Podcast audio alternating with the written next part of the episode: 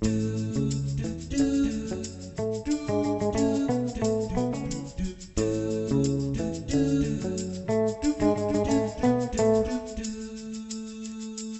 och välkomna till Bokspanarna, en podd från biblioteken i Luleå.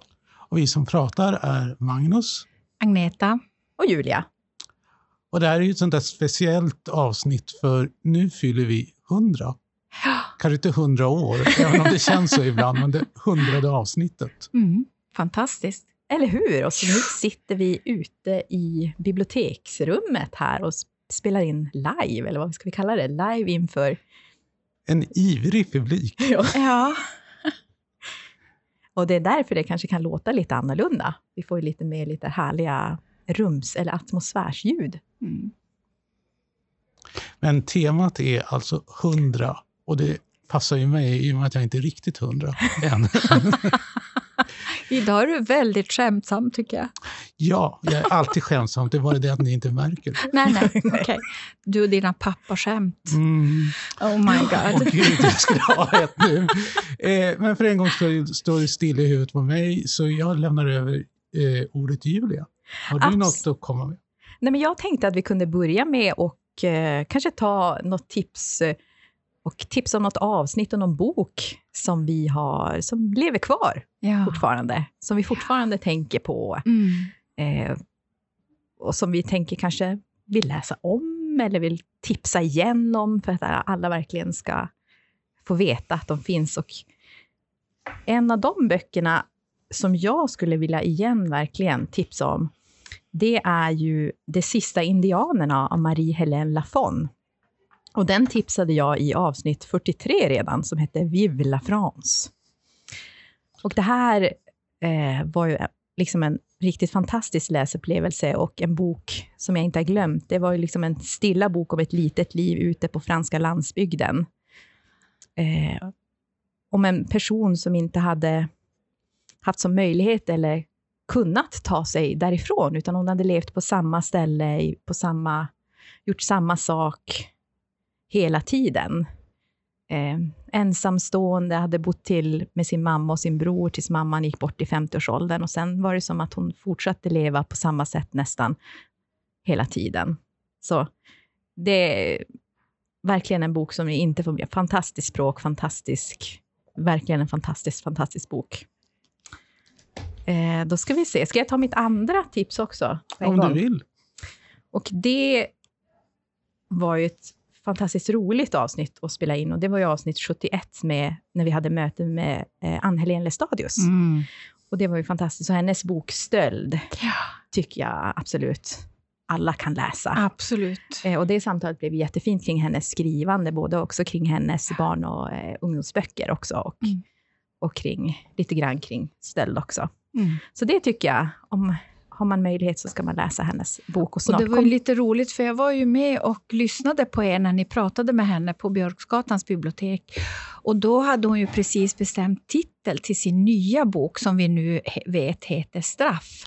Men den vågade hon, det vågade hon alltså inte avslöja på grund av att hon var rädd att titeln skulle stjälas. Hon litar inte på oss. Nej, vi lovade ju och bedyrade att vi skulle inte tala om det för någon, men det hjälpte inte. Men jag hade ingen aning om att även titlar hade kun, kunde stjälas. Ja, man får Allt. alltid lära sig något. Allt går att stjäla. Ja, Ja. Ordet till exempel. är det det du gör nu? Det är det jag gör nu. Eh, jag, mitt drömavsnitt, det var ju det jag hade med Helen. Avsnitt nio. När vi, jag tror vi eh, pratade tio böcker eller någonting. Två, två stycken. Vi bara babblade på. Ja. Och med från det avsnittet så har jag tagit The Little Library Cookbook. För vad finns det som är bra i livet? Det är mat och litteratur. Ja. Och om man då kombinerar mat och litteratur så blir det ännu bättre. Ännu bättre än sex till och med. Eh, att läsa den här boken, man kan säga att det är någon slags konstig sammanfattning av brittisk eh, komfortlitteratur och brittisk komfortmat. Så man får lära sig till exempel hur man gör ett tefat med Jane Austen. Eh, Paddington, Björnen Paddingtons sylt finns det också recept Mhm. på. Och massor av sådana här underbara puttriga små essäer som får en lu- lust att dra svisen i botten, reglaget. Åh. Eh, att läsa den, det är som att läsa ett muffin, måste jag säga. eh, jag är helt förälskad i den. Och det enda liksom, som drar ner den lite grann, det är ju att det är tablespoons och cups och, Ah. och sådär. Mm. Så man får tänka lite om man ska försöka. Men cup och tablespoon, det vet man ju åtminstone. Men det finns ju mycket annat. Ja. Ounces och sånt där. ja, Ja. jag, jag tycker det är ett eget problem med kapp, liksom, att hålla reda på, på. Det är någon sån där två och något deciliter. Ja, kanske det. Jag trodde att det bara var typ en gammal vanlig kaffekopp. Eh, men å andra sidan, man ska ju laga personligt och tänka, det är inte så dumt det heller. Nej. Och det som gör mig trygg med den här boken, det är att det inte finns några recept från Agatha Christie i den. För då skulle det sluta med arsenik i soffan. Mm. Det skulle man inte våga. Nej. Nej. Nej. Vill du komma Ja, med? men som osökt kan man ju då komma in på en engelsk romans av Nina Mero. En bok som jag pratade om i avsnitt 53. Och jag har faktiskt läst om den inför den här dagen och jag tänkte så här, men Jesus vad bra. Och jag sa det då, det 53, att den här tror jag att jag ska läsa om. Och nu har Var det jag inte gjort böckernas bok, eller? det. Det var böckernas bok, en bokbok. Inte en kokbok, utan en bokbok.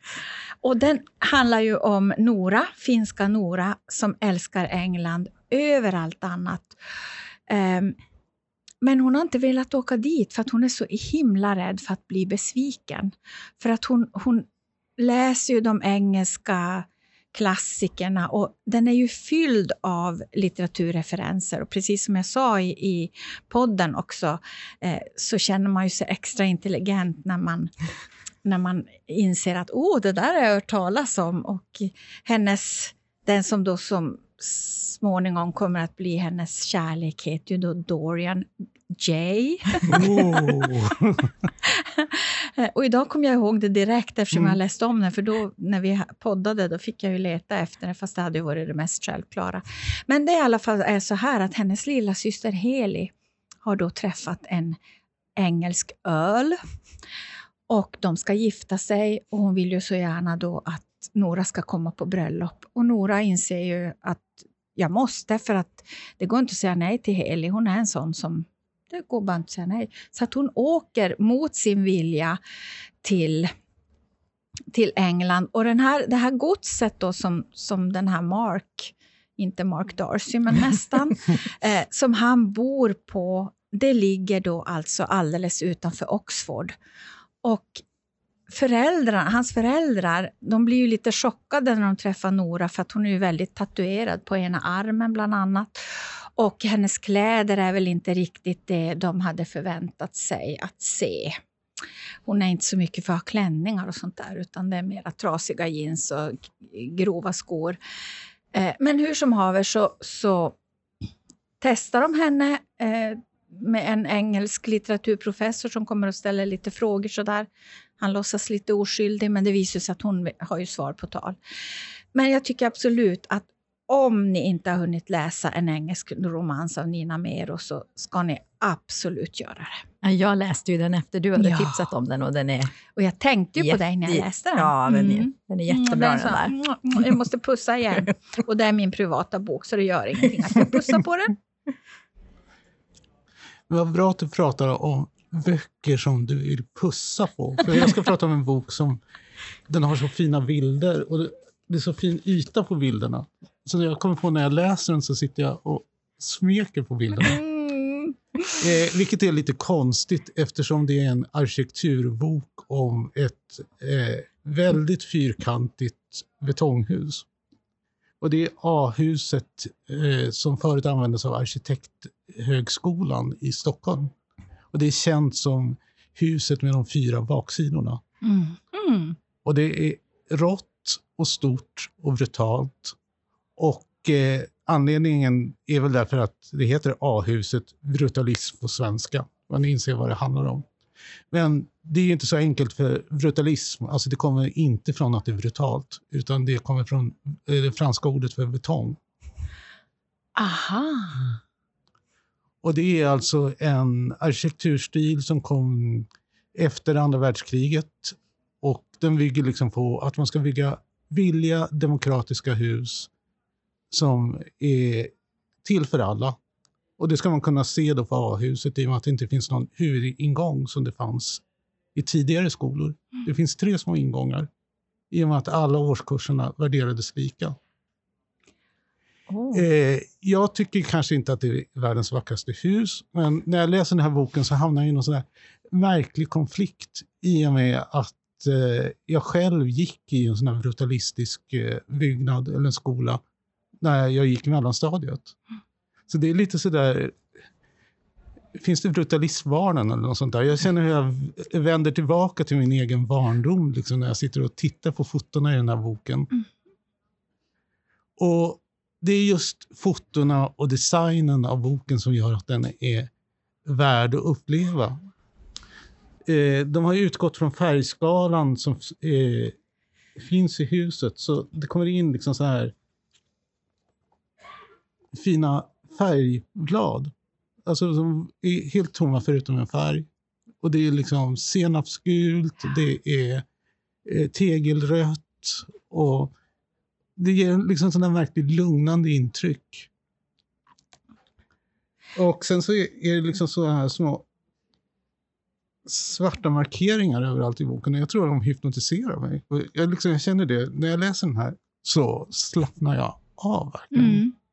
Men jag skulle vilja säga, nu kan ju de som inte är här idag, de kan ju inte se boken, men det är en väldigt snygg bok. Det är en väldigt snygg bok. Och det som verkligen är vackert i den, det är fotografierna. Mm. Jag fattar inte hur man kan fotografera betongbyggnader så underbart. Mm. Så om ni inte har läst en arkitekturbok i år, så ge A-huset Brutalism på svenska en chans. Absolut, men det var ju roligt. Nu har vi ju eh, kunnat se tillbaka lite på Ja, lite... men jag har ju en till. Oh, wow, just ja, det! och då, på Så tal om lätt. hus, som av en händelse, så handlar den här om ett fantastiskt hus på Palermovägen i Oh. Göte, Göteborg, höll på att säga, Köpenhamn. eh, och det här kommer från nummer 70, Bokspanarna nummer 70. Och det eh, avsnittet heter Metamorfoser och andra stora förändringar. Och det är Annette Bjergfeldt, en danska som begår sin romandebut eh, med den här fantastiska boken som handlar om Ester som berättar historien om hur hennes eh, danska morfar Hannibal, han träffar sin ryska fru Varinka. Hon är cirkusartist och väldigt liten till växten, typ 1,30 lång eller något sånt där.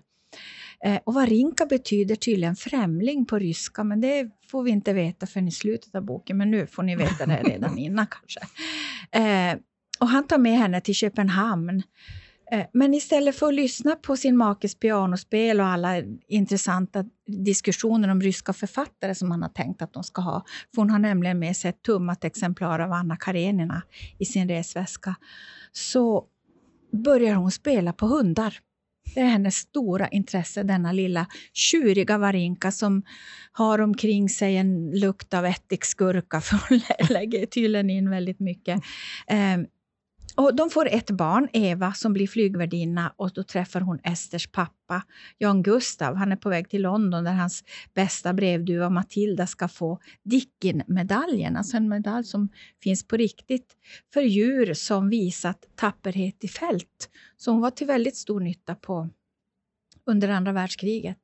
Eh, och Ester blir spådd att hon ska fylla det här huset med musik och barn. Men det är ingenting hon tror på, för det är ingenting som alls visar sig vara på gång i början av boken. Men den, ja, ni ser ju, jag har satt en massa små lappar överallt här med eh, sånt som jag tycker att man borde läsa extra mycket eller prata om. Eh, det här ska jag bara ta. Eh, de är på kyrkogården och besöker pappans och stora systers grav. Och då tänker de så här att varje gång en människa dör graverar man omsorgsfullt in födelse och dödsdagen på gravstenen.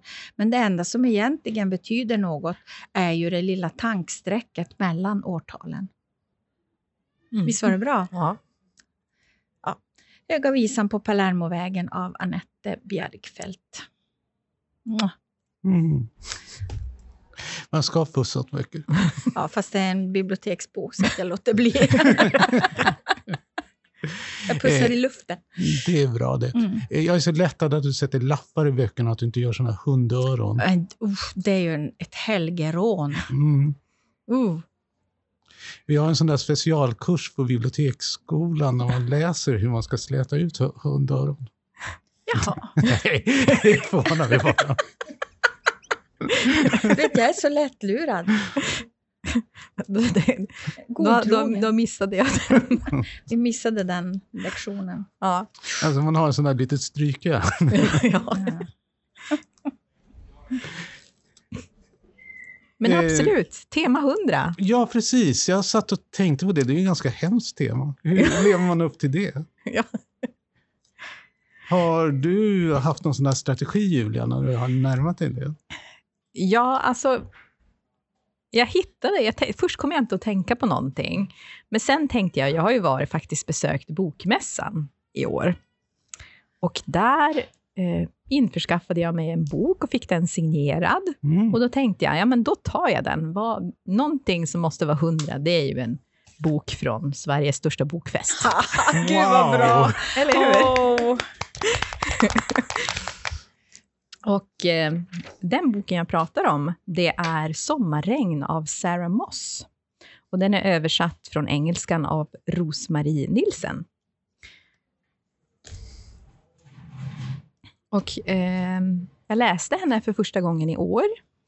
Eh, för det här är hennes andra bok som finns översatt till svenska. Hennes första var Offermur. Mm.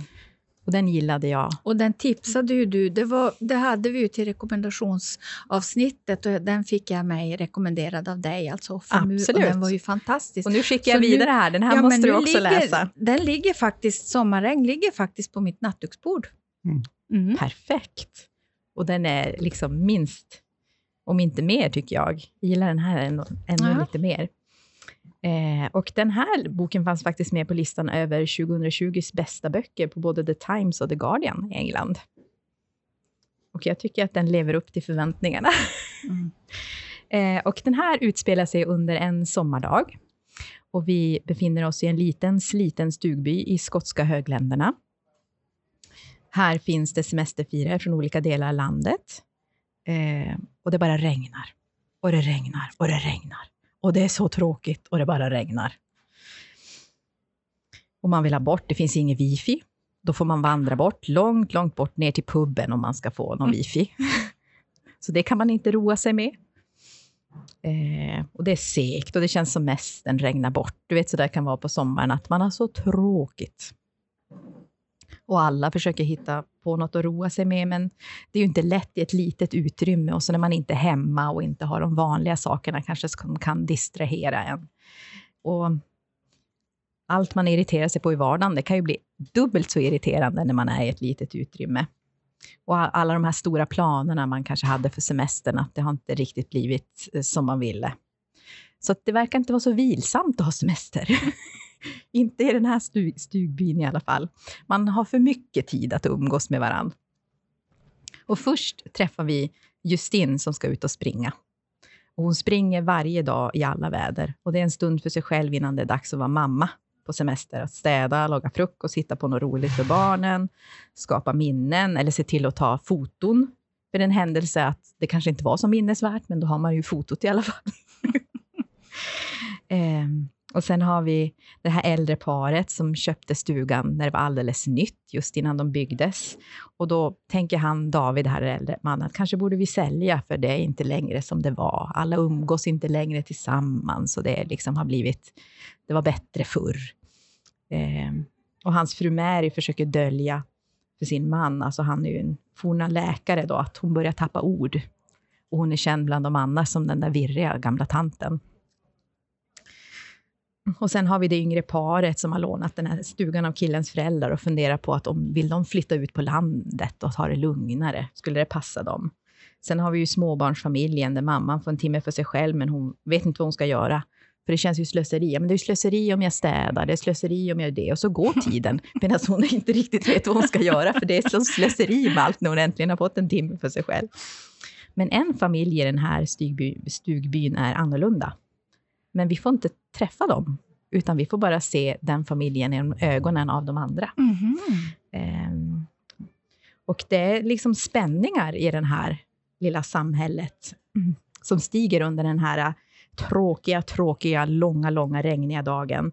Och det, det bygger upp lite, man får lite onda aningar, man får lite så här obehagskänslor under tiden när man läser det här. Och så när kvällen kommer, då händer det någonting. Och mer än så tänker jag inte berätta Nej, om vad det. bra, för den här, jag vill läsa den. Och den är riktigt, riktigt bra. Eh, tycker jag. Hon är, så, hon är så himla bra på att bygga upp stämningar, Sermos. Och eh, verkligen så här, det verkar inte finnas någon lycklig familj. Alla har sina eh, problem och det känns som att just i den här semestersituationen när allting är det tråkigt, man har ingen att distrahera sig med, man är på varandra, att det krävs inte så mycket, allt ligger just under ytan. Under, Ehm, riktigt, riktigt bra. Läs, tycker jag. Ja, men jag, vad jag tänkte om hennes förra bok, det var ju det att hon är bra på att säga mycket med få, få ord. Ja, jo, det stämmer. Den är ju inte tjock, den här Nej. boken. Den är ju liksom strax under 200 Mm. sidor. Och det säger ju mycket om idag. Det är ju någon som har klimatångest, det är ju någon som är liksom stressad och småbarnsbubblan. Alltså det är verkligen också en blick, just det, en snabb blick på samtiden. Mm. i, i boken, liksom när de är samlade i det här liksom mikrosamhället, där de kanske aldrig hade träffats förut, men nu är de samlade där, från olika delar liksom av landet, som har, har stugor där, eller har hyrt stugor, eller lånat stugor. Liksom. Mm. Ja, jag tappar ju koncentrationen för jag sitter och drömmer mig bort. Vi sitter ju på vingen och spelar in det här och utanför så har vi en fantastisk eh, utsikt över Norra hamnen. Mm. Och där finns ju Norrbottensteatern. Mm. Och på Norrbottensteatern nu i höst så sätter de ju upp Orlando. Och där börjar mina problem. För jag tänkte, åh, hundra år, en gammal bok. Men Orlando är utgiven 1928, Mm. så jag missar målet med sex år. Eh, å andra sidan så utspelar den sig under en 500-årsperiod. Och sen, sen utspelar den sig på 1900-talet. talet. Och, så jag tänkte alltså 500 mot 600 år, det jämnar ut sig sådär. Ja. Eh, och Orlando då, det är egentligen inte en roman, utan om man tittar på nätet så är det en semibiografi. Mm. Och då kan man undra, vad är en semibiografi? Och eh, den är ju då skriven av eh, Virginia Woolf. Och Virginia Woolf, hon hade faktiskt en älskarinna som heter Sackville West. Och den här boken är mycket ett porträtt av Sackville West och eh, de eh, orättvisor som hon faktiskt utsattes för på grund av att hon var kvinna. Hon var alltså adlig. Hon hade eh, ett familjegods som hon aldrig kunde ärva på grund av sitt kön. Mm. Så den androgyna Orlando, alltså Orlando börjar någon gång på 1500-talet och då är han man. Och tack vare sina snygga ben, och det är väldigt sådär intressant att han är en babe innan han verkligen blir en babe Mm. liksom senare i boken. Eh, tack vare sina eh, snygga ben så gör han en karriär vid Elisabeth den förstes ho- hov. Där han också eh, hamnar i liksom sådär, eh, blir totalt utskämd och hemskickad eftersom han använder sina snygga ben lite väl mycket på lite väl många kvinnor. Eh, och där han kommer tillbaka till sitt gods så ägnar han sig ungefär om det, det som han gjorde innan. Han försöker skriva ett långt poetisk dikt till en ek som inte riktigt vill ge sig sådär. Eh, men i och med att hans ben är ryktbara så dyker det upp en amorös eh, grevinna som envisas liksom att försöka ragga upp honom. Så han flyr till Konstantinopel där han blir ärkekonsul och eh, eh lever liksom ett eh, väldigt sådär pompa, ceremonier och fester på nätterna liv. Och allt går bra tills Orlando somnar. Och han sover då i kanske en månad eller något sånt. Och när han vaknar så är han kvinna. Mm. Och eh, man kan säga att det är en sorts pikaresk roman, för den består väldigt mycket av möten liksom, mellan Orlando och eh, människor som han eller hon, hen, vill utveckla någon slags relation med. Antingen är det liksom kvinnor eller män som Orlando förför eller gifter sig med. Eh, eller så är det olika poeter som han, Orlando vill ha någon slags eh, vänskap eller att de ska acceptera hens eh, dikter. Och det är det som gör att den är så rolig. Alltså den hela tiden pulserar. Virginia Woolf håller sig på en ganska vad ska jag säga, ironiskt sätt. Hon har skrivit boken alltså som en biograför som utgår från källforskning. Så vissa partier av boken är väldigt vaga därför att hon har inte haft källorna. Mhm. Och det gäller partiet då i Turkiet där eh, det utbröt revolution och liksom alla källor brann upp helt enkelt. Så det är sådär att hon beskriver en scen och så står det oläsligt ord, oläsligt ord, oläsligt ord kom och land och in i rummet. Jag höll på att svimma mitt arma hjärta. eh, och Det som jag också tycker är intressant det är att det inte är någon större skillnad egentligen på Orlando som kvinna och som man. Förutom det krav som ställs av omvärlden. Alltså Orlando upptäcker när Orlando är kvinna så är det lättare liksom att vara passiv och underdådig eftersom hon, hon då blir mer belönad på det sättet. Än om hon liksom beter sig som hon egentligen är inne i huvudet. Alltså sparkar upp dörrar och säger tjabba grabben eller något sånt där. Samtidigt som hon fortsätter att vara båda två. Alltså, hon, Virginia Woolf skriver, beskriver väldigt bra hur liksom undergivenhet, utåtriktadhet är två sidor av samma mynt. Och att det som kanske skapar kön är mer liksom kraven som ställs utifrån. Och att framför allt att, eh, att vara man och vara kvinna är liksom så orealistiskt. Så att det egentligen är alla transgender eftersom vi måste leva upp eh, till krav som kräver att vi eh, avstår från större delen av vår personlighet och mm. känsloregister. Lite luddigt, men det är liksom sånt där som dyker upp i huvudet på. Ja. Och jag ska avslöja en sån där konstig fakta som jag alltid fastnar i. Eh, anledningen att den heter Orlando, det är att eh, den har tagit inspiration från en eh, 1500-talsdikt som heter Orlando Furioso. Mm -hmm. Som handlar om en man då som förlorar sin... Eh, han blir galen på grund av olycklig kärlek. Och det är också det som boken Orlando handlar om. Alltså, Orlando försöker hela tiden hitta lyckan. Antingen liksom i famnen på någon människa eller genom att ge ut sitt evinnerliga epos om eken. Som jag inte tycker verkar vara så roligt. Och jag fattar aldrig riktigt om han lyckades, eller hon lyckades. Men framförallt den här Orlando Furioso. Om man översätter den till svenska så heter den Den rasande, rasande Roland. Roland ja. Och om man då tänker att Orlando hade hetat Roland, hur imponerande läsupplevelse hade det varit? Men har någon av er varit och sett pjäsen på Norrbottensteatern? Och jag har faktiskt gjort det. Mm. Ja. Jag har också sett den, det var därför jag läste boken. Ah. För när man ser pjäsen, alltså den är väldigt bra, Ja, men det är ändå så där att man tänker, okej, okay, vad har de utgått ifrån? Mm. Och så jag ska säga boken är bra och pjäsen är bra, fast på olika sätt. Ja, jag tyckte den var jättebra Ja. pjäs Mm. också. Eh, Jag, jag har inte läst eh, boken, men det är kanske någonting man får göra, göra sen. Är den tjock? Den är inte tjock. Och det som jag tycker också är sådär fantastiskt, att Orlando markerar en vändning i Virginia Woolfs karriär.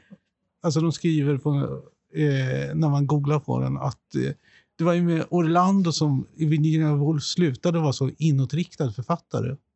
Och liksom började nå publikframgångar. Så det är verkligen Virginia Woolf på ett gott humör. Och Om ni tänker på henne som en liten glåmig tant i grå kofta som inte är så lycklig, så inte alltid. Ibland var hon riktigt, riktigt glad. Ja. Härligt. Ja, ska jag avsluta det här avsnitt 100 med en bok som faktiskt har ordet 100 i titeln? Ja, men det wow. vore per- ja. wow. Du, du får priset. Du, du får guldstjärnan. Ja, tänkte väl. Den heter 100 skäl att leva och är skriven av Richard Roper. Och det här är en riktigt...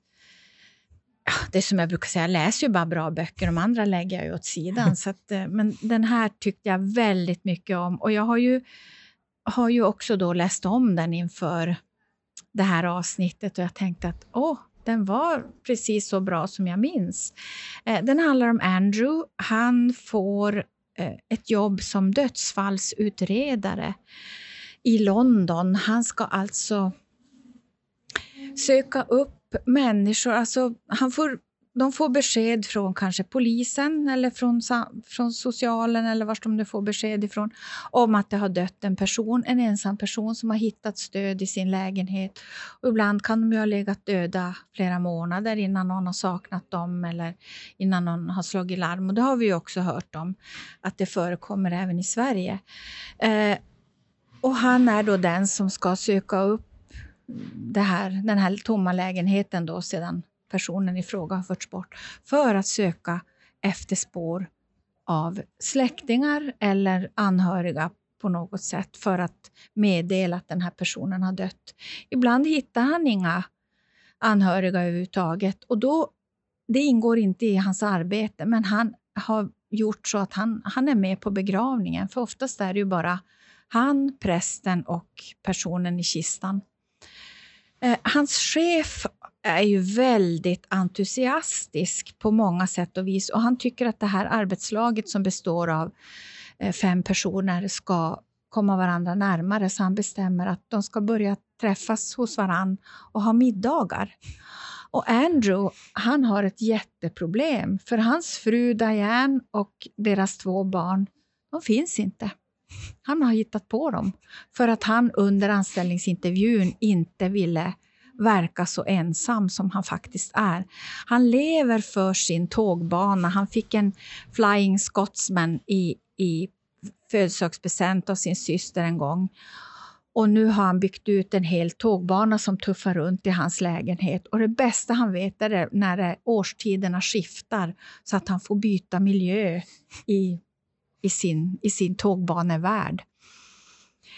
Eh, så får han en ny arbetskamrat, Peggy, och hon blir hans nya kollega och de ger sig ut på de här exkursionerna i de här lägenheterna och hinner ju prata ganska mycket under tiden.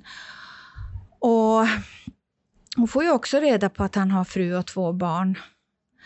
Och hon frågar väl lite grann ibland och sådär. Och han får reda på att hon har en man och två barn. Och den här Steve, då, hennes make, han är inte snäll, han dricker för mycket och han beter sig illa. Och en dag när Andrew är på väg till jobbet så inser han, men herregud, han är kär i Peggy. Men det blir ju ett problem eftersom hon tror att han är gift och har barn. Men sen är den ju inte bara, den är rolig, den är dråplig, den är sorglig, den är fantastisk på många sätt och vis. För han har nämligen en liten grupp som han umgås med på nätet. En grupp andra såna här eh, modelljärnvägsentusiaster. Och han inser att de här kanske jag kan använda mig av eh, när jag har problem och behöver fråga om andra saker än om The Flying Scotsman till exempel. En, en riktigt, riktigt fin bok och på framsidan så står det världens ensammaste man, årets varmaste kärlekshistoria och det håller jag med om. Hundra skäl att leva av Richard Roper. Jag har läst den också, jag mm. håller med. Och han har ju kommit med en ny, men den har jag inte hunnit läsa än. Ja, det låter ju spännande. Mm.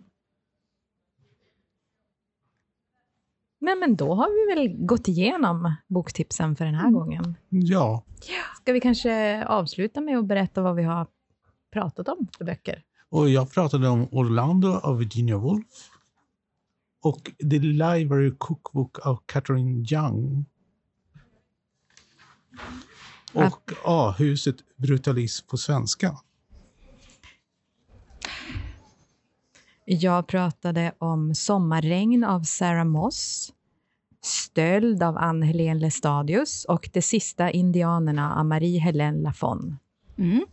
Och jag pratade om en engelsk romans av Nina Mero, om Höga visan på Palermovägen av Annette Bjergfeldt och om Hundra skäl att leva av Richard Roper. Oj, oj. eh, nej, men ska vi säga att Men vi det kan är... inte vara slut redan? Ja. ja, Nej, men, men vi ska ju spela in, eller ni i alla fall, avsnitt 101 också. Någon Det- gång. Ska vi det? det, kommer, det kommer fler avsnitt. Nej, vi kanske har fått nog. Men jag vet inte, ska vi avsluta med en applåd? Det Ja, det tycker gör jag vi. vi är värda. Ja, Vi får tacka er som kom och lyssnade också. Ja. ja, tack så mycket. Ja, hej då. Hej då!